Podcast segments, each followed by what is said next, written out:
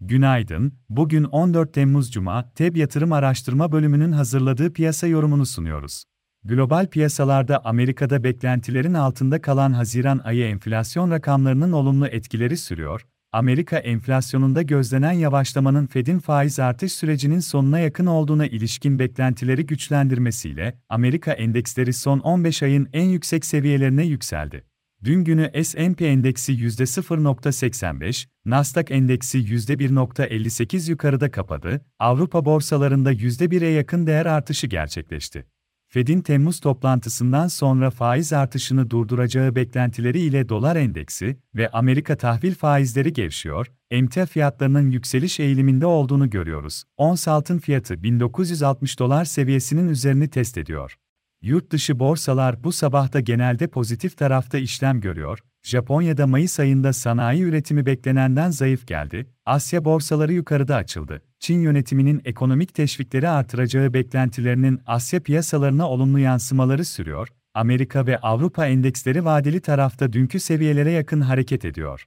Global tarafta bugün Amerika'da Michigan Tüketici Güven Endeksi önemli olacak. Temmuz ayında tüketici güveninde iyileşme bekleniyor. Ayrıca Amerika'da bilanço sezonu başladı. Bugün BlackRock, Citigroup, JP Morgan, Wells Fargo gibi Amerika'nın önemli finansal kuruluşlarının sonuçları gelecek.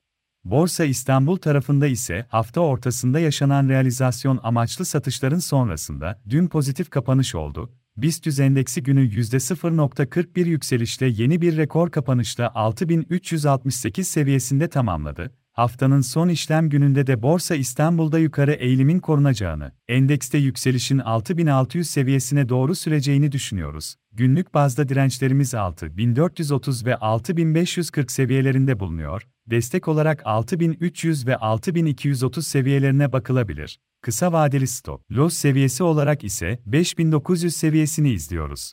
Hisse tarafında ise endekste yükselen hareket içinde teknik olarak kısa vadeli alım yönünde Aselsan, Bimaş, Enka İnşaat, Europaptezol, Koç Holding, Koroplast, Türk Hava Yolları hisselerine bakılabilir. Piyasaları değerlendirmeye devam edeceğiz. Feb yatırım olarak herkese iyi bir gün dileriz.